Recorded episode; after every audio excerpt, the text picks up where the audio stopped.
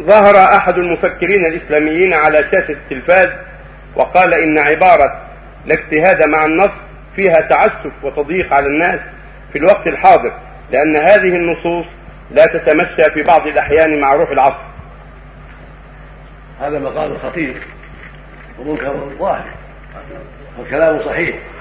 الاجتهاد مع النص قد أجمع العلماء على أن الاجتهاد محله عند عدم النص إذا خفيت النصوص. وصار الناس إلى الاستنباط والقياس هذا محل الاجتهاد. وأما اذا وجد النص من كلام الله أو سنة الرسول عليه الصلاة والسلام فليس هناك محل الاجتهاد. والشريعة جاءت لعصر النبي صلى الله عليه وسلم ولما بعده من العصور إلى يوم القيامة. ومبعوث إلى يوم القيامة للناس كلهم إلى يوم القيامة. فلا يجوز لاحد أن يخالف النص الصحيح الثابت عن رسول الله عليه الصلاة والسلام.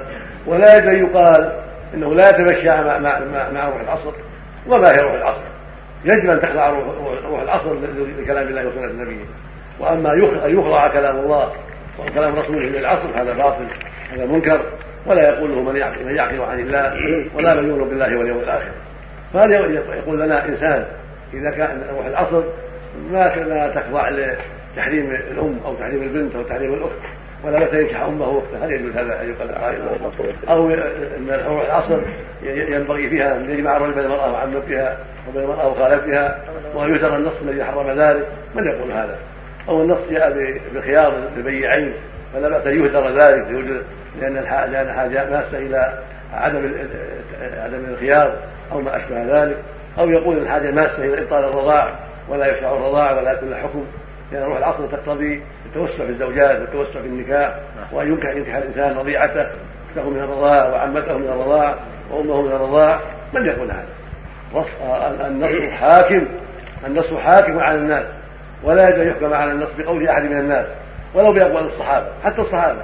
افضل الناس إذا خالفوا النص وجب الأخذ بالنص وترك قول من قال من الصحابة بخلافه وهم أصحاب الرسول أفضل الناس بعد الأنبياء.